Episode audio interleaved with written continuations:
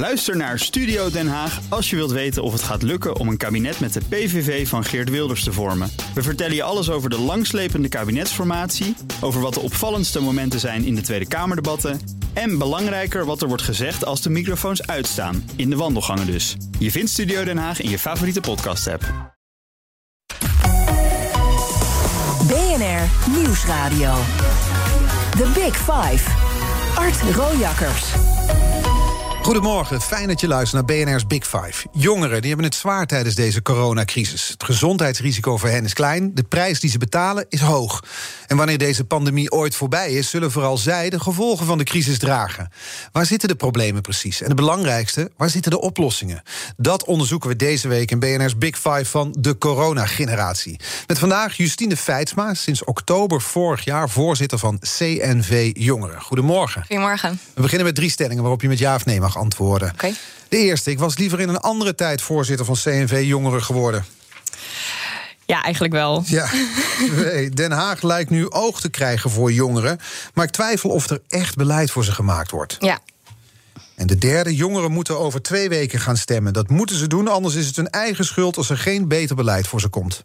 Ja, is wel een beetje waar, ja. Drie keer ja, dus. nou, we komen op alle drie nog wat terug. Maar je bent dus midden in coronatijd. In oktober ben je voorzitter van CNV Jongeren geworden. Waar heb je de afgelopen maanden het meest van wakker gelegen? Ehm, de jeugdwerkloosheid was echt een groot thema waar ik meteen mee aan de slag kon gaan. En eh, ja, het feit eh, dat er veel te weinig aandacht was voor de gevolgen van jongeren. Dat eh, merk je nu dus wel meer. Nou, nu ook dus dit gesprek. Maar ehm, daarvoor eigenlijk heel lang niet. Dus, uh, en over je, voor jeugdwerkloosheid is nog steeds geen aanpak ontwikkeld. Nee, want die jeugdwerkloosheidscijfers, noem ze eens. Ja, iets van, uh, het verandert elke maand, maar volgens mij iets van 13% op dit moment. Echt hoog, dubbele ja. van, het, uh, van de gewone werkloosheid. En uh, dat hetzelfde niveau als de vorige crisis. Ja. Dus je, echt hoog. Je verstuurde onlangs een tweet waarin je schreef... je in het verkeer begeven is voor jongeren gevaarlijker dan covid... en toch houden wij ons een jaar al aan alle regels. Met alle gevolgen van dien. Eenzaamheid, depressie. En het is wel een beetje de opsomming, hè? Ja, dat is het wel, ja. En ik denk, uh, jongeren willen zich aan de regels houden, hoor. Dus we doen het met plezier, in principe. Maar uh, op een gegeven moment, ja, is toch, uh, merk je de gevolgen gewoon heel erg. En er moet aandacht voor zijn, hoe dan ook. Ben jij nog een jongere? Hoe oud ben je? 28. Ja, ben je nog wel een jongere, Vind toch? ik ook, ja. ja. Dus jij behoort zelf wel tot de coronageneratie? Ik vind van wel. Ik heb gelukkig werk, dus dat is wel heel wat. Uh, maar ja, er zijn heel veel problemen waar jongeren tegenaan lopen. Ik heb ook wel eens op zaterdag uh, dat ik denk... god, wanneer kan deze crisis ophouden? Ik wil mijn vrienden weer zien. Ik mis het. Ik, ja, je voelt je toch ook eenzaam? Ja, want de coronageneratie volgens mij bij jullie CNV... rekenen van 18 tot 35 zo'n beetje, Ja, toch? tot 35 jaar. Ja, ja, maar onder de 18 worden jongeren ook wel weer geraakt. Ja, absoluut. Ja. Ja, we zijn, ik ben natuurlijk van de vakbond, dus pas als mensen aan het werk gaan... Uh, we zitten wel een beetje... We kijken natuurlijk zeker ook naar het onderwijs en wat daar gebeurt uh, in relatie tot de arbeidsmarkt.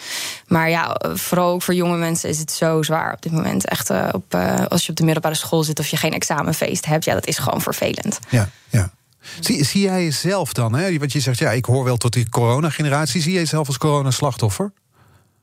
Nou, slachtoffer vind ik een groot woord, want ik heb het zoveel beter nog dan anderen. Maar ik ken ik omdat je een baan hebt, bedoel je? Ja, omdat ik een baan heb. Ja, dat is eigenlijk al een basis. En ik heb een huisje waar ik kan wonen en die ik kan betalen. Uh, waar ik ook met, met plezier woon. Dus dat, nou ja, dat zijn heel veel fijne, prettige dingen.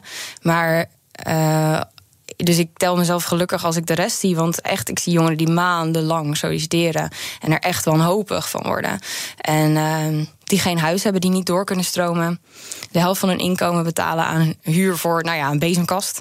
En uh, dus ja, ik, ik heb het wat dat betreft goed. Maar ik merk zelf ook, mentaal is het wel zwaar. En wat je zei, voorzitter worden in een tijd waarin je niemand fysiek kan zien, is wel, ja, het is gewoon niet leuk. Ik denk dat dat het meer is. Ja.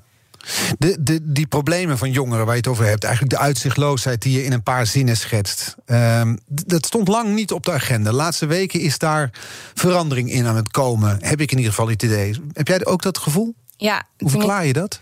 Nou, toen ik voorzitter werd, dat was in oktober dus. Komt het door jou? Nou, nee, maar de, om te schetsen. Uh, we begonnen vorig jaar al met die coronacrisis, een jaar geleden bijna.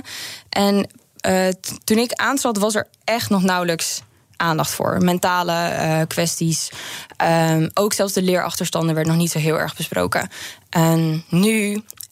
En eigenlijk pas nadat je de gevolgen echt ziet. Dus er komen onderzoeken naar uh, het aantal zelfmoordpogingen. Er was een, een, vreselijke zelfmoord ergens nog in Amsterdam. En um, het aantal anorexia-patiënten stijgt. Nou, weet je, dat soort dingen. Dat, nu komt dat een beetje naar boven. En dan zie je dat er aandacht gaat komen. Maar dat heeft dus echt heel lang geduurd. Ja, het heeft echt lang geduurd. Maar het begint nu wel te komen. Uh, in Vraag het Gommers, dus onze BNR-podcast. Erin stelt Kees Dorrestein uh, coronavragen van luisteraars aan IC-arts en OMT-lid Diederik Gommers. Die gaat normaal over de IC-bedden natuurlijk. daarin heeft hij het ook over de discussies in het OMT. over de situatie van jongeren. Laten we even luisteren naar Diederik Gommers. Het is wel heel begrijpelijk wat er gebeurt.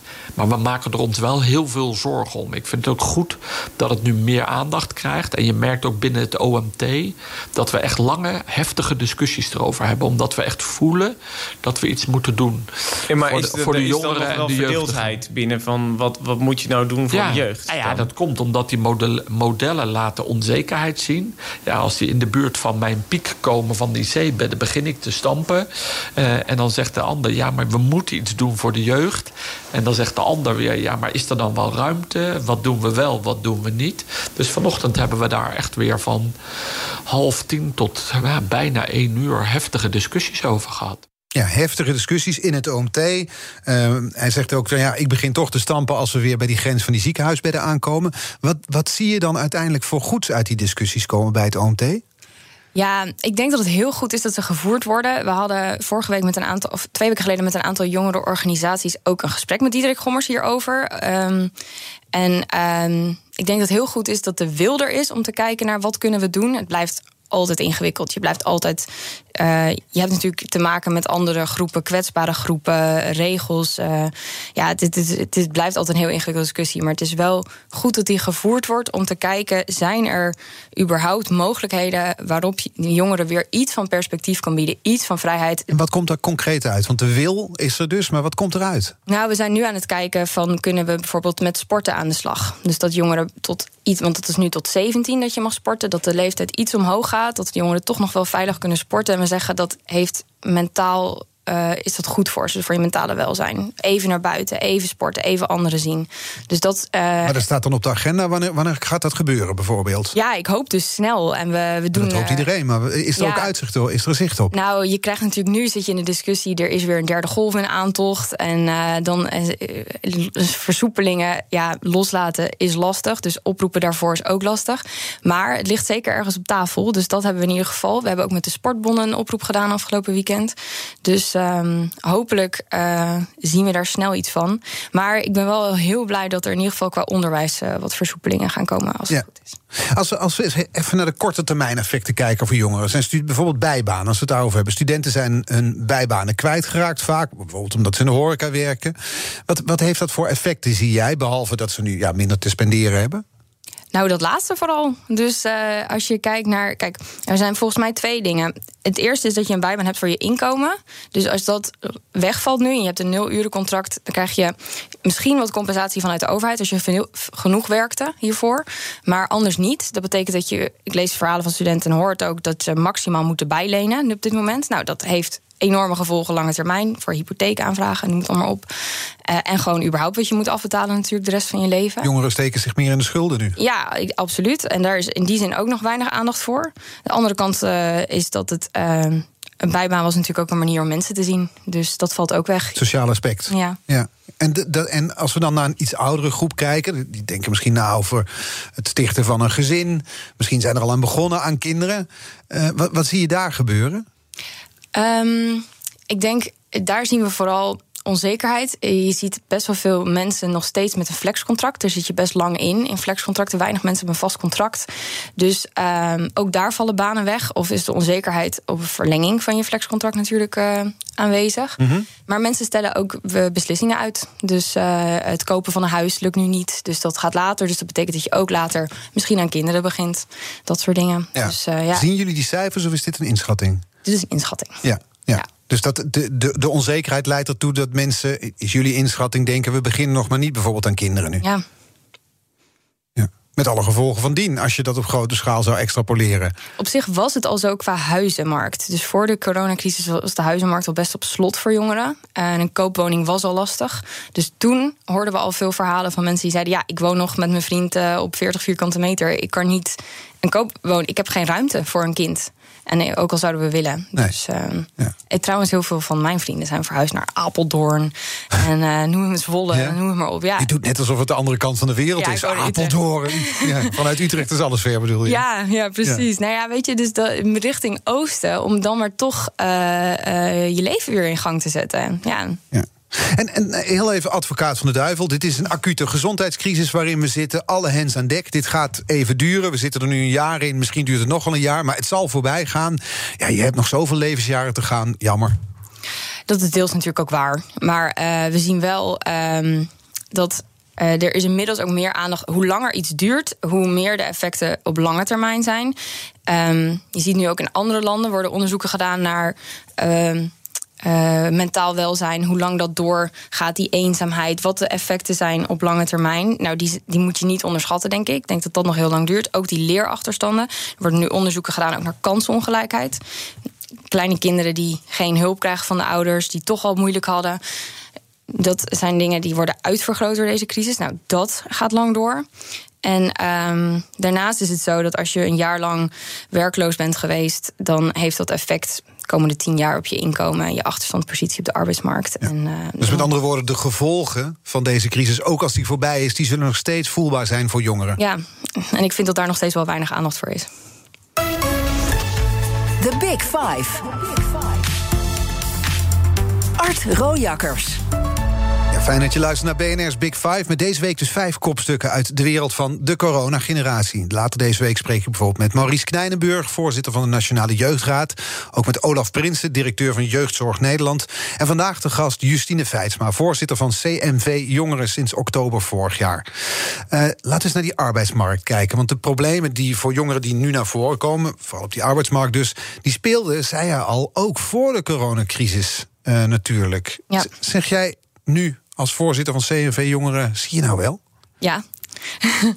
ja, uh, kijk naar flexcontracten. Uh, er was al, commissie Borslap heeft vorig jaar geconstateerd dat er veel te veel flex is in Nederland. Daarvoor werd het ook al vaak benoemd. Jongeren zitten eigenlijk altijd in flexcontracten.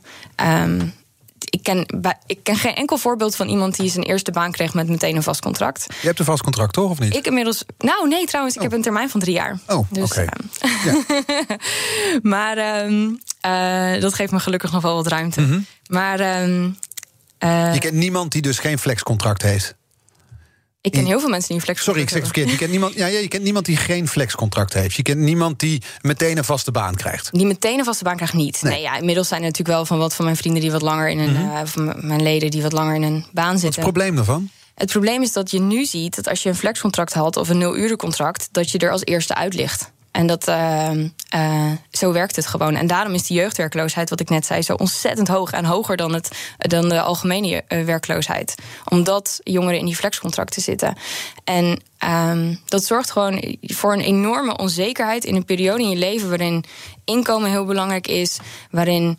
Um, doorstroom heel belangrijk is. Dus perspectief op nieuwe huizen, nieuwe, weet je, nieuwe, een gezinszicht, eigenlijk wat je net al zei. En uh, je hebt nog schulden van je studie die je moet afbetalen. Daar maak je je zorgen over.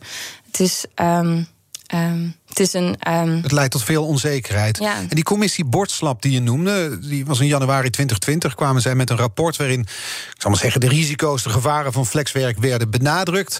Er stonden ook een boel voorstellen in om de arbeidsmarkt te repareren, zal ik maar zeggen. Is er in jouw oog al iets gebeurd op dat vlak? Nee, tot nu toe is het vooral crisismanagement, heb ik het idee. Um, ze zijn inmiddels een jaar verder, hè? Ja, volgens mij heb ik Hans Bos, Borslap horen zeggen... Uh, ik zou willen dat het dak gemaakt werd bij mooi weer... maar het moet bij regen. Um, want inmiddels is, blijkt dus door de crisis... zie je ook wel dat er iets meer vanuit werkgevers ook uh, wordt toegegeven op dit soort vlakken. Dus hopelijk uh, worden er stappen gezet om hier wat aan te gaan doen. Maar het blijft bij mij bij een hopelijk nog. Ja, dus concreet is er nog niets gebeurd sinds vorig jaar. Aan uh, beperken van flex, nee. Nee. En je mag zelfs langer tijdelijke contracten geven tegenwoordig. dus het is, het is alleen maar zwaarder geworden voor jongeren. Ja. ja. En meer jongeren zijn werkeloos geworden. Nou kun je natuurlijk ook redeneren... ja, we zitten in economisch zware tijden. Dus bedrijven hebben tot nu toe wel steun gehad. zal niet eeuwig duren. Dus kun je er wel van het bedrijfsleven verlangen... dat ze meer vastigheid gaan geven aan jonge, jonge werknemers? Uh, ja, Oké, punt. Ja. nou ja, misschien ook niet, omdat bedrijven het al zwaar genoeg hebben. Ja, nee, ik, ja, ik denk dat er de klap moet sowieso nog gaan vallen. Dus je ziet nu al een hele hoge jeugdwerkloosheid. Dat betekent, terwijl heel veel bedrijven nog overheidssteun krijgen. Dus dat betekent dat op een gegeven moment zal, er, uh, zal die steun ophouden, moeten bedrijven de balans opmaken en zullen er waarschijnlijk nog veel meer ontslagen vallen in, in de doelgroep die ik vertegenwoordig. Um, terwijl juist door middel van vaste contracten biedt je werknemers zekerheid. Er zijn heel veel voordelen aan vaste contracten. Mensen gaan harder werken vaak. Dus um, juist. Zijn harde wat, mensen werken harder als ze een vast contract hebben? Ja, dan voel je je betrokken bij de organisatie. Ja. Dus flexwerkers die zijn luier dan mensen met een vast contract? Nou, ik zou niet zeggen luier. Ik denk dat ze wel hun, zichzelf ook proberen te bewijzen. Ja? Maar de betrokkenheid bij een bedrijf neemt enorm toe een vast contract. Het is een, een overeenkomst van vertrouwen ook. Ja. Dus, um... Maar dan blijkt uit cijfers dat mensen die een vast contract hebben harder werken. Nou, of, als je het zo zegt. Ja, weet zo zei je toch? Zeker, ja. maar het is, het is een gevoel dat je daarbij hebt. Het is niet, het is niet op onderzoek gebaseerd. Niet dat ik zo kan zeggen. Nee, oké. Dus het gaat, het gaat om de betrokkenheid, zo bedoel je het? Ik werk veel met jongeren die ook uh, jongerenparticipatie bij bedrijven. En um, daar zie je gewoon dat de inspraak neemt toe in ondernemingsraden. En noem het allemaal op op het moment dat ze uh, richting of een vast contract krijgen. Ja, ja. Nou, nou, nou wordt er natuurlijk veel naar dit gekeken, naar dat flexwerk. Hè. Er is onlangs ook een nieuwe visie gepresenteerd van VNO-NCW, de, de werkgeversorganisatie. Wat vond je daarvan? Ja, daar Zat kan nog... iets in? nou, het was. Um, uh, ik vond het een, een, een, een goede eerste stap. Uh, maar uh, nog steeds een wereld te winnen, volgens mij. Dat is een diplomatiek antwoord. Ja, nou ja, ik ben wel van de vakbond. Ja, ja, ja. En wat is dan die goede eerste stap? Um, sneller vaste contracten. Dus dat zal een heel mooi voorbeeld zijn. Uh, verhoging van het minimumloon. Dat zijn mm -hmm. allemaal dingen waar we volgens mij nog over moeten praten. Ja, oké. Okay. Want er komen tegelijkertijd, we weten het, er komen verkiezingen aan. Uh, die, die commissie Borslap had graag gezien dat werkgevers en, en werknemers daarvoor al afspraken hadden gemaakt. Nou, dat zit er vermoedelijk niet meer in nu, een verkiezingstijd. Ja, nee, ik neem aan dat je de verkiezingsprogramma's doorneemt als voorzitter van CNV Jongeren. Ja. Zie, zie je goede voorstellen bij verschillende partijen? Ja, er zijn zeker goede voorstellen. Maar uh, dat is vooral in de programma's. Ik merk dat de algemene discussie heel erg gaat over de coronacrisis alsnog. Dus uh, je merkt dat er weinig wordt. Um, uh, nog gepraat over wonen. Wat echt de grootste zorg is bij jongeren op dit moment. Dus perspectief op een woning. Um, er zijn toch nog best wel veel thema's die ik vind dat nog niet genoeg aan bod komen. Omdat het toch heel veel over corona gaat. Maar ja. in de programma's staan zeker wel goede dingen. Wat kom je bijvoorbeeld tegen waarvan je denkt, ja, dat, dat, dat we dat nog niet hebben? Um, in de verkiezingsprogramma's? Ja. Nou, god, wat een vraag. Even. Um, hogere minimum jeugdlonen. Mm -hmm. uh, uh, minimumloon vanaf 18 jaar, nu 21. Mm -hmm. uh, dus dat zijn allemaal wat dingen waar je denk ik mee aan de slag kan. Ja. Ja, want welke oplossingen, wat je zegt, ja, die, kijk, we hebben het over die commissie gehad. Nou, dat, die, die, die afspraken zijn niet gekomen. Je zegt van VNO-NCW, het is een mooie eerste stap, maar er valt nog een wereld te winnen. Welke oplossingen draag jij aan of dragen jullie aan? Ja, ten eerste willen we um, een aanpak voor de jeugdwerkloosheid. Dus kijken van hoe kunnen we nu zorgen dat jongeren die nu thuis zitten wel aan het werk komen. Um, er zijn regionaal wel plannen voor, maar landelijk ontbreekt uh, elke aanpak. Dus um, kijken naar bij- en omscholingspotjes voor jongeren die nu afgestuurd zijn, bijvoorbeeld in horeca. Um, om te kijken van hoe kun je hen alsnog helpen. Dat ze in ieder geval bezig zijn dit jaar. Dat ze um, zich bijscholen of laten omscholen voor een sector waar wel werk is. Mm -hmm. um, dat zijn dus zeker dingen. Het aanpakken van um, lange termijn, dus de flexcontracten, uh, daarmee aan de slag gaan. Zorgen dat jongeren in een volgende crisis niet weer de eerste zijn die werkloos thuis op de bank zitten. En wat gewoon een hele belangrijke is, en wat ik altijd terughoor, uh, bij mijn achterban in ieder geval, is het wonen. Dus het, echt het perspectief op een huis. Die koopt vandaag nog in het nieuws. Koopwoning nog nooit zo duur. Ja. Um, leg het maar eens neer als starter uh, in een markt. Dat is niet te doen. Nee. Um, en dan moet je je inderdaad voorstellen dat je dus 30 bent geen huis kan kopen. Uh, terwijl je dat heel graag wil. Ja, wat is de oplossing daarvoor? Ja, er, zijn heel veel, er moet ontzettend veel gebeuren. Er moeten meer sociale huurwoningen komen. vrije sector heeft. De verhuurders in de vrije sector hebben veel te veel macht. Dus die mogen zelf bepalen wat de huur is. Die hebben contracten van twee jaar. Vervolgens mogen ze de huur met uh, honderden euro's weer omhoog gooien. Als ze dat willen. Dus dat, eh, die macht beperken. Zorgen dat de vrije sector weer betaalbaar wordt. En. Uh, mensen zijn 46% van hun inkomen gemiddeld kwijt aan een huurwoning. Mm Dat is ook gewoon financieel onverantwoord, vooral als je studieschulden hebt. Ja. Dus, uh, ja, want die studieschuld dat zorgt er ook voor dat je veel minder kunt lenen. Dus daar kijken banken natuurlijk ook naar. Dat is ook een probleem als je een hypotheek wil. Ja. Voor een starterswoning. Ja, uiteindelijk heeft alles natuurlijk te maken met hetzelfde. Dus ook het leenstelsel afschaffen zo snel mogelijk zou natuurlijk ook wel gewoon een fantastische oplossing zijn. Um, ideaal gezien zorgen dat studenten schuldenvrij kunnen studeren. Ja. Dus, um, ja, maar wat je beschrijft is, is een, een, situatie waarin jongeren klem zitten. Dus jongeren hebben flexcontracten, worden eruit geknikkerd zo gauw het crisis is. De woningen zijn onbetaalbaar, dus die kopen kun je op je buik schrijven. Vrije sector ben je een beetje een goden overgeleverd. Dus ze zitten, jullie, jullie zou ik maar zeggen, zitten klem. Ja, ja, we zitten ook klem. En we horen het van iedereen. Mensen zijn echt. Ik denk dat we onderschatten. Kun je hoe... voorbeelden wat, noemen wat je hoort dan? Jongeren zijn moedeloos. Ze zitten thuis, ze werken nu maar bij de GGD voor bron- en contactonderzoek. Eh, om toch nog een baan te hebben, een inkomen te hebben en iets te doen te hebben. Ze zijn eenzaam. Uh, ze zitten op kleine kamertjes. Ze, ze kunnen niet naar buiten. Uh, als je een tuin hebt, is dat al, weet je, dat, dat is al hartstikke fijn. Maar als je dat niet hebt, waar moet je dan heen? En, um, dus, Naar het park, maar dan mag je van niet met te veel mensen bij elkaar nee, zitten. Precies, word je weer uitgestuurd. Dus um, het, is, um, het is echt een uh, situatie van volhouden, dat merk je. Maar het erge is, en dat zeg jij wel goed, daarvoor was het ook al. Dus het erge is dat je dus daarvoor al in een wooncrisis zat. En daarvoor al met al die tijdelijke contracten en studieschulden en hoge leningen. Ja, dus deze coronacrisis heeft dat effect versterkt. Ja, blootgelegd en versterkt zou ik zeggen. Dus, um, en daar komt bovenop dus die mentale druk, die eenzaamheid en die, um, ja, die afzondering die je nu gewoon voelt. En melden jongeren die bijvoorbeeld werkeloos zijn geraakt of die daardoor met psychische problemen zitten met bijvoorbeeld die verveling, weet of melden zich die bij jullie bij CNV Jongeren? Wat voor verhalen hoor je? Ja, we horen verhalen van mensen inderdaad die zeggen: Nou, uh, wat goed dat jullie opkomen. Eindelijk een, een, club die opkomen voor jongeren op de woningmarkt bijvoorbeeld. Maar ook um, jongeren met een arbeidsbeperking die uh, in flexcontracten zitten, heel veel onzekerheid ervaren. Um, en um, geen idee hebben wat voor soort perspectief er nu nog is. Nee. Of die bijvoorbeeld inderdaad dus met een arbeidsbeperking die um, die nu heel veel thuis zitten en niemand zien. Ja, en dan? Op een gegeven moment heb je Netflix ook wel uit. Ja, ja. inderdaad. Dus dat is de vraag. Dus we proberen hen te helpen, sowieso persoonlijk. Maar ook, uh, ze kunnen zich ook bij ons aansluiten om mee te denken, mee te doen, actie te voeren. Dus, um... Ja. Want een van die stellingen in het begin was: Den Haag lijkt nu oog te hebben voor jongeren. Maar ik twijfel of er echt beleid voor ze wordt gemaakt. Toen zei jij ja. Ja. Leg eens uit. Ja, ik, uh, je ziet dat ze vaak hekkersluiter zijn van beleid. Dus uh, ook um, bij de regeling voor flexwerkers werden de bijbaners dus totaal vergeten. Die kwamen achteraan. Het was echt een nagedachte uh, naar oproepen vanuit de jongerenorganisaties. En um, daarnaast, wat ik net zei, ja, er is nog steeds. We roepen al een jaar lang: maak een landelijke aanpak jeugdwerkloosheid. Het gebeurt gewoon niet. Uh, dus je, ja, er is weinig aandacht geweest voor de gevolgen van jongeren. En vaak is de eerste reactie: we smijten er geld tegenaan en dan zal het wel goed komen. Mm -hmm. um, maar nu ook uh, de reacties. 8 miljard voor het onderwijs. Nou, ik wil net zeggen, de reacties vanuit het onderwijs zijn ook. Nou, hartstikke bedankt voor het geld. Maar. Um, uh, we hebben maar 2,5 jaar om het te besteden. Ja. Uh, vanochtend stond nog in de krant: scholen weten vaak niet wat ze ermee moeten doen. Um, kun je iemand, je kan niet iemand aannemen voor die 2,5 jaar. Ja, dit zijn ook. Um, uh, geld ergens tegenaan gooien is natuurlijk niet altijd de beste oplossing. Nee. Je moet wel een idee hebben daarachter. Eigenlijk die opsomming die we nu in een paar minuten maken... dat is ook wel een moedeloos van te worden. Jongeren zitten dus in de klem. Uh, die effecten gaan nog lang duren, zei je al. Er is wel aandacht voor, maar echt beleid wordt er nog niet gemaakt. En een hele belangrijke stem in het debat hebben jullie ook niet, vind ik.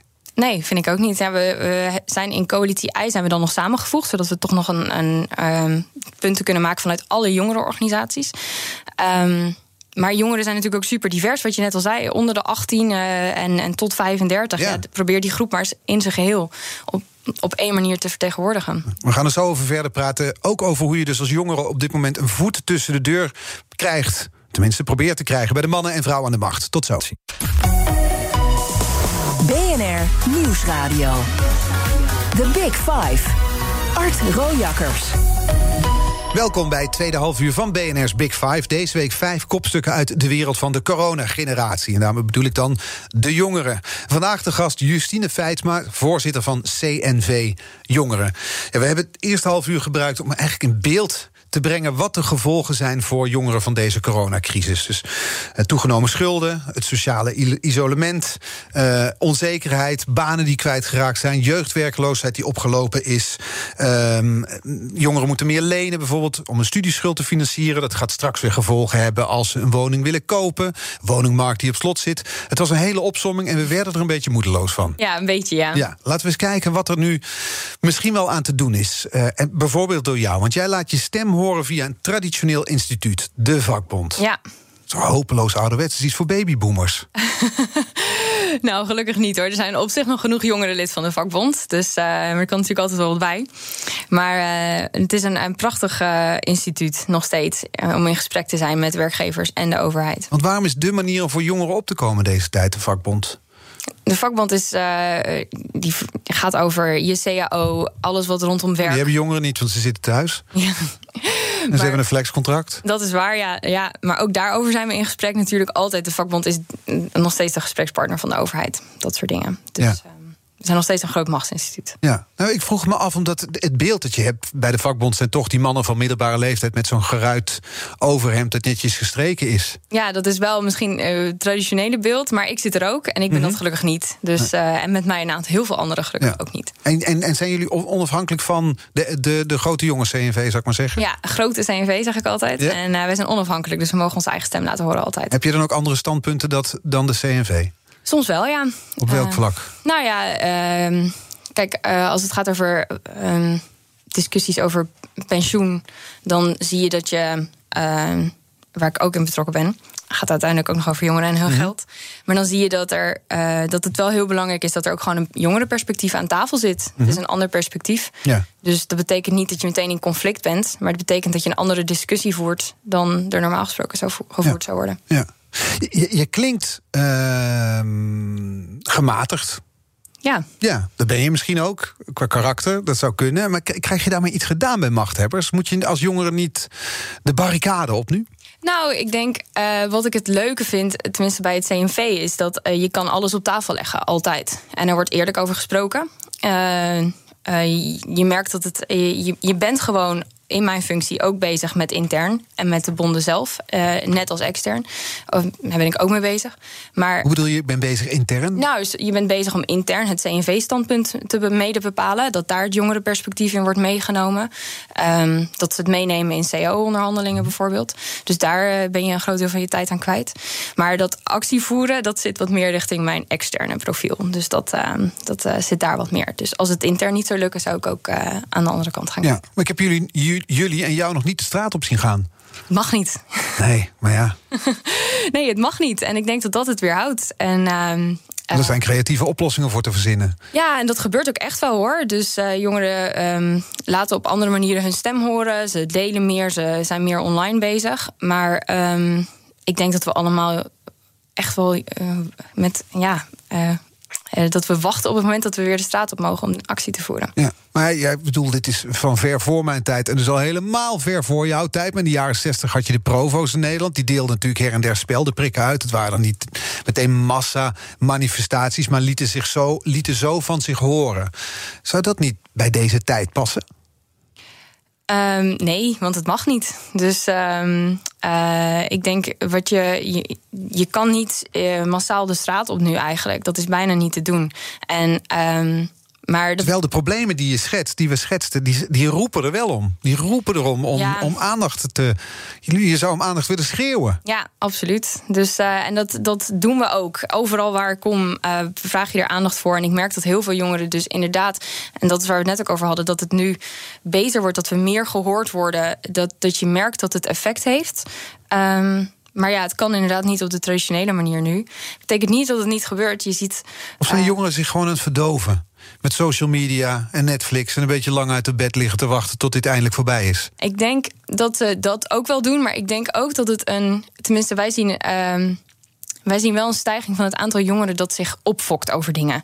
Dus je bent het ook zat op een gegeven moment nu. En um, je ziet wel uh, ik, ik hoor wel echt verhalen. We krijgen ook nieuwe leden die zeggen: Nou, we willen echt wat doen nu.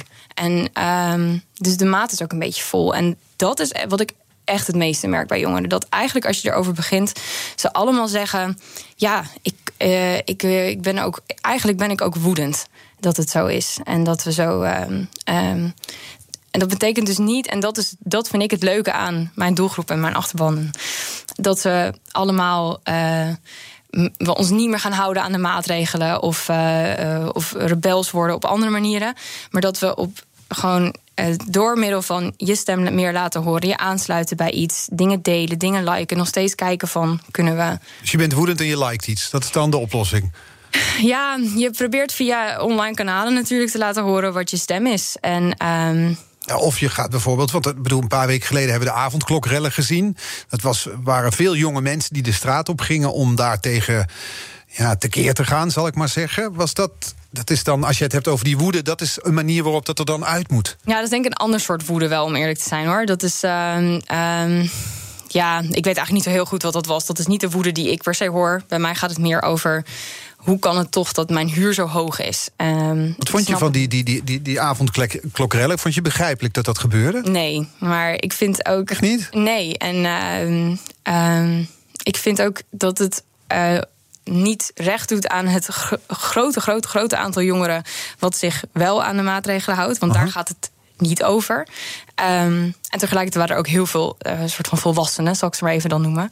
Um, oudere mensen die ook meededen daaraan. Ja, dus ja. ik denk niet dat je het op een groep kan neerzetten. Maar was het toch ook niet zo? Ik ga die redden niet goed praten, dat zal niemand uh, doen. Maar het is wel zo dat Nederland daar misschien wakker door werd geschud. Dat, dat, dat het Um, het ongenoegen, dat die woede die, waar jij het ook over hebt, die er heerst onder groepen, dat dat nu zichtbaar werd. En ja, ik kan niet voor heel Nederland praten, maar ik denk dat dat niet per se het geval is. Ik denk dat Nederland meer wakker wordt geschud door incidenten. Niet door een like, toch, waar je het over hebt? Nee, maar wel door incidenten of door de, door de voorbeelden die je nu veel meer hoort over jongeren die het mentaal gewoon zo zwaar hebben dat ze in depressie zinken. En het aantal psychische gevallen wat zich meldt bij de jeugdzorg um, uh, op dit moment. Ik denk dat mensen daar eerder uh, van wakker schrikken. Ja. Ik, ik, probeer ook niet te zeggen dat het jouw achterban is die daar staat te plunderen of zo. Maar ik probeer wel te zoeken naar die woede waar jij het over hebt, hoe dat zich dan uit. Hoe dat, dan, hoe dat zichtbaar is, ja, door de verhalen die ze bij jou melden. Ja, ja, eh, er zijn op dit moment gewoon niet zo heel veel manieren waarop je jezelf. Um, uh, kan uiten. Als je je aan de regels wil houden. Ja, precies. Ja, dan hou je niet aan de regels als je woedend bent. Nee, je moet je altijd aan de regels houden. Ja? Dus uh, ja, dat vind ik wel echt. En dat vinden gelukkig ook heel veel andere jongeren. Uh, Terwijl, ik citeer jouw tweet nog een keer... het is minder gevaarlijk voor jongeren om in het verkeer te zijn... dan dat ze corona kunnen krijgen. Ja, maar ik zeg ook dat we ons wel aan de regels houden. Ja, dus, maar waarom? Omdat we de kwetsbare groepen beschermen. En, uh, en ik vind het dus prachtig dat jongeren dat doen. En dat we dus uh, zulke klappen oplopen en tegelijkertijd volhouden, vind ik uh, echt ontzettend knap. Ja. Maar die, die groep jongeren, die dus misschien wel de grootste slachtoffers uiteindelijk zullen blijken te zijn van deze coronacrisis, dat zijn die jongeren die, die hadden al weinig perspectieven. Dat zijn toch ook die jongeren die bij de avondklokrellen de straat op gingen? Ja, dat zal, er zal inderdaad wel een deel zijn. Maar ik denk, ik weet niet of wat hun motivatie precies was bij de avondklokrijden. Volgens mij was het gewoon het gevoel van het zat zijn. Um, die frustratie. Ja, het is waar je het net ook over had. Het is inderdaad een soort frustratie. Maar um, wat, wij, wat ik vooral hoor bij jongeren als frustratie is meer... waarom lukt het me niet om door te gaan met mijn leven? En dat is een ander soort frustratie dan wanneer je de straat op rent en gaat plunderen. Ja, ja. Nee, tuurlijk, uiteraard. Want dat heeft geen... Uh, uh, dat is geen oorzaak-gevolg. Nee. Het lijkt me ook lastig om nu voor jongeren te strijden. Misschien is daarom ook lastig voor je om hierover uit te spreken. Want kijk, het beste voor jongeren zou natuurlijk zijn om de samenleving open te gooien. Ja. Maar dat kan dus niet, want je zegt dat we moeten ons aan de regels houden. Dus het is, ook, het is ook een lastig pad dat je moet bewandelen als je in jouw functie zit. Ja, dat is het ook zeker. Want je wil, uh, ik wil ook uh, met mijn leden samen kunnen komen en meer verhalen horen uh, tegelijkertijd. En met z'n allen kijken wat kunnen we doen, actie voeren, op wat voor soort manier dan ook. Um, en nu is het al gesprekken met eh, bepaalde mensen aangaan, is al lastiger soms. Dus, um, dus nee, het is ook gewoon heel ingewikkeld. Ja. En dat zal er niet makkelijk op worden, want het ging natuurlijk al voor de coronacrisis ging het gesprek over de kloof tussen babyboomers en millennials. Ik denk dat die kloof misschien wel groter is geworden door de coronacrisis. Wat denk jij? Ik denk juist Um, ja, het gaat altijd over de kloof. Maar ik denk dat jongeren zich houden aan de maatregelen. Vooral omdat ze hun ouders willen beschermen. En hun mhm. opa's en oma's. Dus in die zin zou, die, zou, zou je kunnen beargumenteren dat het. Dat er misschien juist meer begrip is voor ja, elkaar. Misschien wel, ja. Ja, oké. BNR Nieuwsradio. The Big Five. Art Rojakkers. Ja, je luistert naar BNR's Big Five van de coronageneratie... met vandaag de gast Justine Feitsma, voorzitter van CNV Jongeren. En Justine, in dit programma stellen onze gasten elkaar een kettingvraag. Vorige week uh, had Diana Matroos een week over de voedselpioniers. BNR's Big Five. En op vrijdag was hier te gast Louise Fresco... bestuursvoorzitter van de Wageningen Universiteit. En ze is uh, voedsel- en landbouwdeskundige. Had deze vraag voor jou. Ik ben ontzettend onder indruk, Justine, ik spreek je maar even aan, van hoe gemotiveerd jongeren zijn juist voor dat terrein van voedsel en landbouw. Maar het lastige voor jongeren vaak is om ook na te denken over die nuance. Het is uh, toch heel vaak het moet zus of het moet zo. Dat, dat hoort ook een beetje bij, bij het jong zijn. Ik vind jongeren ook heel erg geïnteresseerd in technologie.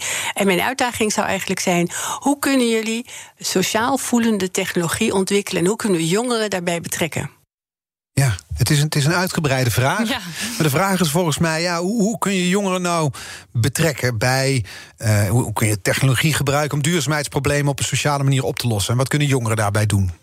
Ja, ik denk uh, wat ze zegt over die nuance, ja, dat, dat, dat snap ik op zich wel. Uh, jongeren zijn vaak. Um, ja, misschien iets minder genuanceerd als het gaat over landbouwvraagstukken. Mm Ehm, maar als het gaat over jongeren betrekken, merk ik juist altijd dat het heel makkelijk is om jongeren te betrekken op het moment dat je ze vraagt om mee te doen. Dus, Ook als het ehm, gaat over maatschappelijke vraagstukken in het algemeen. Ja, heel erg. We hadden uh, onlangs met de jongeren Denkt en coronacrisis hebben we een uitvraag gedaan onder jongeren in Nederland. Duizenden reacties ontvangen. Ehm, het gaat een beetje over de manier waarop, denk ik wel eens. Uh, wij deden het via een app. Je mag het anoniem doen op thema's die jij interessant vindt. En als je een thema niet interessant vindt, dan praat je daar niet over. Dus het is ook een beetje de manier waarop je jongeren betrekt. En Hoe gaat dat dan als we dat vertalen bijvoorbeeld naar de verkiezingen die eraan komen? De Tweede Kamerverkiezingen komen eraan. Worden jongeren op een goede manier betrokken daarbij? Uh, ja, uh, in de zin van dat uh, je merkt dat er heel veel initiatieven zijn om te zorgen dat jongeren gaan stemmen. Om te zorgen dat jongeren geïnformeerd worden. We hebben zelf een debat woensdag met een aantal jonge kandidaat-Kamerleden. Dus op die manier proberen we jongeren meer te informeren. Um, ik vind het zelf een hele mooie ontwikkeling dat er veel jonge Kamerleden op de lijst staan. Of jongeren op de lijst staan. Maar geen jongere partij bijvoorbeeld? Die is er wel, maar volgens mij heeft hij het niet gehaald. Ehm, eh, maar op zich ben ik daar. Ik vind jongeren kunnen prima vertegenwoordigd zijn in de bestaande partijen. Ja. Welke partijen doen het goed in jouw ogen? ja, op dit moment de VVD, hè? Mark, of nou, nee, bedoel, Mark qua jongeren? Oh, zo. Ja, ehm, ja uh, je merkt, nou ja, als je kijkt naar de kandidatenlijsten, is het volgens mij GroenLinks, P van de A hebben veel jongeren op de lijst, VVD wel. Uh, we zagen het minder bij D66 en CDA. Dus. Uh, is nog werk aan de winkel. Ja, ja. En wat, waar ook werk aan de winkel is, is dat in 2017 minder jongeren gingen stemmen dan in 2012. Jongeren gaan ook minder stemmen dan uh, uh, gemiddeld. Je zou dus kunnen zeggen dat je het als jongeren ook een beetje aan jezelf te danken hebt als je problemen niet hoog genoeg op de agenda staan. Het is waar dat jongeren, maar dat is al heel lang zo, dat jongeren inderdaad een lagere opkomst is. Uh, wij vinden het in ieder geval heel belangrijk dat jongeren stemmen. Want wat je zegt, het is je, de kans om je stem te laten horen. Maar ik denk dat op zich moedeloosheid ook een, op een andere manier kan doorslaan. Dus je zou ook kunnen denken: eh, ze horen me toch niet. Ik stem niet. Um, dus dat je daardoor eigenlijk dat je gewoon dat je denkt van nou, mijn stem doet er nu toch niet toe. Ja, dat is een aanname van mij. Maar ik denk dat dat misschien wel een reden zou kunnen zijn. Waarom ja, want een van de stellingen was... jongeren moeten over twee weken gaan stemmen... anders is het hun eigen schuld als er geen beter beleid voor ze komt. Toen zei jij ja. Ja, ik moest ja of nee zeggen. Ja, precies. Wil je nu nuanceren dan? Ja, een beetje wel. Want um, nee, kijk, ik... Um, je eigen schuld is het niet, want vertegenwoordigers uh, in de Tweede Kamer moeten iedereen vertegenwoordigen, ook de jongeren um, en ook de jongerenbelangen. Dus um, in die zin niet. Aan de andere kant denk ik dat je altijd moet aanpakken wat je kan doen om zelf verschil te maken. Ja. En dit is, uh, stemmen is een basisrecht daarvoor. Tuurlijk, en nu is het cruciaal. Juist in deze coronacrisis zou je denken... je moet als jongere je stem laten horen... vanwege al die problemen die we opgesomd hebben. Gaat het deze keer anders worden, denk je? Gaan er meer jongeren stemmen? Wat is jouw inschatting? Wat voel je bij je ja, achterban? Ik zeg ja, er gaan meer jongeren stemmen. Ja. Een hoopvol dit, hè? Je hebt ja, geen idee. het is hoopvol. Ja. maar um, ja, ik, uh, ik, ik heb... Ja, ik heb je snijdt je in de vingers als je het niet doet. Net, kijk naar de brexit. Het is door oude mensen is dat veroorzaakt. Jonge mensen waren er tegen. Ja, maar kijk hoeveel jongeren tegen hebben gestemd. Dat bedoel ik. Maar Dus- er zijn wel te weinig jongeren gaan stemmen om het tegen te houden. Ja, maar jongeren laat... Ja, of er zijn te weinig jongeren. Oh, dat is het probleem. nee, maar ja, we zijn natuurlijk wel een minderheid. Maar um, ik denk dat het. Uh, ik, denk, ik vind het hoopgevend dat er zoveel jongeren zijn die uh, nog steeds. Ik, ik, zie jongeren die uh, politiek betrokken zijn op elke manier. Dus die de straat op gaan op dit moment. Maar ook uh, die denken: nou, ik heb geen zin om de straat op te gaan. Maar ik ga wel me aansluiten bij een partij of delen. Of, uh... Ja, want die woede waar we het over hadden, die eruit moet, die jij voelt bij de achterban. Die, nou, jij zegt ervan, avondklokrellen moeten we maar niet meer doen. Dat is niet de manier om woede te uiten. Nee. Uh, online doen we veel, maar die woede moet er dus ook uit. Bijvoorbeeld door mee te doen aan die verkiezingen, door te gaan stemmen, door je stem te gebruiken. Ja, ja. ja absoluut. Dat is een, zeker een manier om dat te gaan doen. En uh, goed geïnformeerd stemmen hoort er natuurlijk bij. Um, maar er zijn natuurlijk nog veel meer manieren om dat te doen. Dus um, je kan je aansluiten bij organisaties die hier wat aan doen. Je kan input leveren. Um, bijvoorbeeld, nou, zoals we gedaan hadden met, uh, met de SER in het Jongeren Denktank uh, platform. Dus er zijn heel veel, ook lokaal zijn er heel veel initiatieven waar jongeren aan meedoen. Dus ik ben hoopvol. Ja, maar ik kan me ook voorstellen als je, jongeren, als je nu jongeren bent en je volgt een beetje het nieuws. Ik lees de krant, ik hoor de radio, ik zie de tv. Heel vaak hoor ik politici niet over jongeren praten hoor. Het gaat over corona, het gaat ja. over IC-bezetting. Jullie komen ook helemaal niet voor. Ja, ik hoop, ik hoop dat het meer over jongeren zal gaan de komende tijd. Ik maak me er nu Hoe ga je ervoor zorgen? Ja, door er zoveel mogelijk over te praten, zoveel mogelijk actief mee bezig te zijn. Door met jongeren samen uh, op te trekken. Dus daar zijn we erg ook mee bezig. Uh, met andere jongerenorganisaties kijken wat kunnen we samen vinden en waar kunnen we samen op voortbewegen, elkaar helpen. En um, nou ja, dat heeft in ieder geval bijvoorbeeld in het onderwijs al wel um, aan bijgedragen dat ja. we met z'n allen samen sterk zijn. Ga je nog lijsttrekkers spreken voor de verkiezingen? Um, Sta je bij hen op de bezoeklijst? Lijsttrekkers denk ik niet dat die tijd voor, me, voor ons hebben op dit moment. Ja, ik hoop het wel. Hier dat dat alleen al is toch schandalig? Ze praten wel met die gewone CNV. Dat is, ja, er komt inderdaad een CNV-debat, maar ik weet niet, nog niet wie de gasten zijn. Als je hoort wat voor problemen er zijn bij jongeren, dan hoor je toch nu hier om op tafel te slaan te zeggen: ze horen me te woord, ze moeten me te woord staan. Ja, ze moeten ons absoluut te woord staan. Ja, dus hierbij een uitnodiging. Nou, niet een uitnodiging, een eis. Een eis. Precies, ze moeten, ze moeten het. Want moet je kijken wat voor problemen er, uh, er zijn. Ik denk dat het. Ik heb wel heel veel hoop gevestigd op. Um, echt op die jonge, jongeren die op de lijst staan. Ik denk, je merkt het zelf altijd in um, organisaties waar je zit, waar je wat ik net al zei, dat ik bij het CNV toch die jongerenstem vertegenwoordig. Je merkt dat als je zelf jong bent, dat het veel makkelijker is om daarover te praten. En ik denk dat de discussies binnen fracties kan veranderen. En dat het ook echt iets toevoegt als je meer jongeren hebt die vertegenwoordigd zijn. Dat het een andere stem geeft. Ik denk dat dat al heel veel helpt. Ik wil nog even terug naar je, naar, met je naar vorige week. Toen kwam Herstel NL, initiatief met allerlei economen.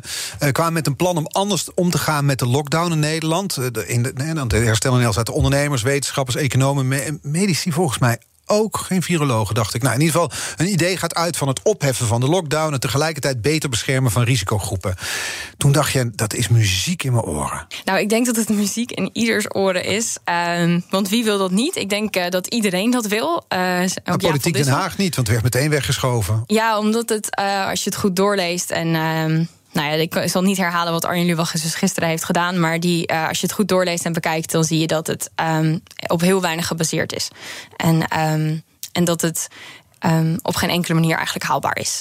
En ik vind het ook een heel vervelend principe dat je. Uh, groepen zo tegenover elkaar gaat zetten op zo'n moment. Dus die staan je, tegenover elkaar. Ja, maar dat je de kwetsbaren van de samenleving, wat toch volgens mij één op de vier mensen in Nederland is, uh, gaat plaatsen eigenlijk in een apart hokje ten opzichte van de rest. En de rest geeft je vrijheid.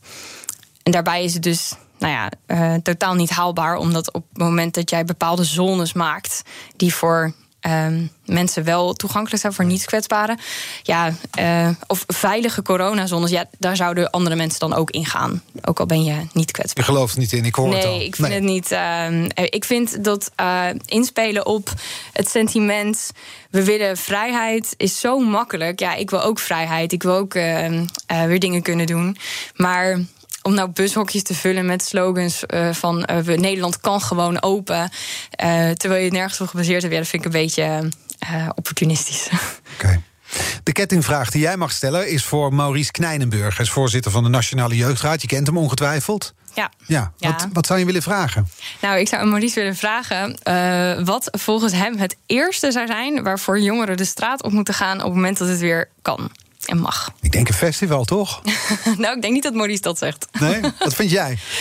Wat vind ik? Ik denk dat we moeten gaan vechten tegen het flexwerk. Om eerlijk te zijn. Ik denk dat dat een bron van probleem is. En de woningmarkt. Mag ik noem er gewoon twee. Oké, okay, die twee dingen. En dat is dan uh, het inhoudelijke. Wat is het eerste wat jij gaat doen als. Stel nou deze zomer, de regels worden versoepeld. Of ze zijn misschien wel weg. Wat is het eerste dat je gaat doen? Ik hou van die vraag. ik denk dat ik een kroeg in ga en gewoon aan een bar ga zitten. Nou, als het in de zomer is, ga ik op het terras zitten. En, uh, en dan ga ik mensen kijken en genieten van mensen om me heen. Dat lijkt me heerlijk.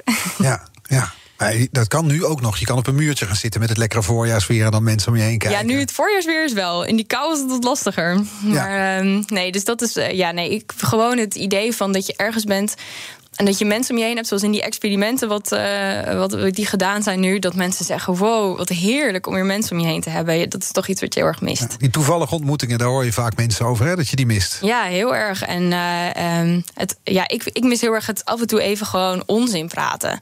Gewoon even met collega's of met vrienden, gewoon even niet. Mijn hele dag gaat nu altijd over werk en je vliegt van afspraak naar afspraak. En het is allemaal heel efficiënt. Maar je mist af en toe gewoon eens even het hebben over niks. Ja. Dat mis ik heel erg. Het is, je leven is te efficiënt bijna geworden, zoals je het beschrijft. Ja, eigenlijk wel. Het is, uh, ja, ik denk dat heel veel mensen herkennen, in ieder geval mensen die thuiswerken, uh, de hele dag in, achter een laptop in calls zitten. Ja. En ik ben altijd blij als iets eerder eindigt. Dan kan ik even koffie pakken en even naar de wc. Je bent zo'n zombie geworden, zo heet het volgens ja, mij het toch? Het is afschuwelijk, ja. Dus ik, uh, in die zin hoop ik ook dat dat snel voorbij is. Gewoon een vergadering met mensen hebben. Zelfs daar als jongere, ik heb een hekel aan vergaderingen, maar zelfs daar heb ik nu zin in. Ja, ja. Want dat is iets waar je.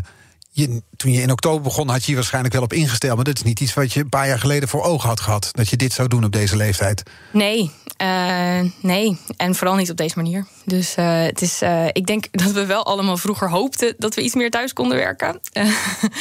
um, soms met lood in je schoenen naar kantoor gaan. En uh, nu vlieg ik fietsend helemaal zingend naar kantoor. Dat is ik ben blij dat ik je vandaag een uitje kon bieden. Dat je hier naar de studio kon ja, komen. Ja, dat is heel prettig. Ja.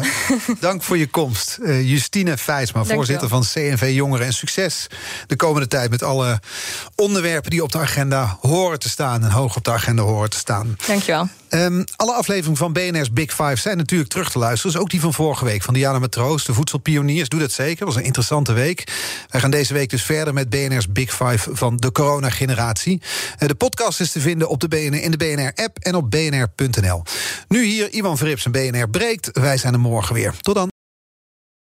Ook Diana Matroos vind je in de BNR-app. Ja, inderdaad. Je kunt live naar mij luisteren tijdens de Big Five. Ook handig in de BNR-app. Breaking nieuwsmeldingen, maar ook het allerlaatste zakelijke nieuws.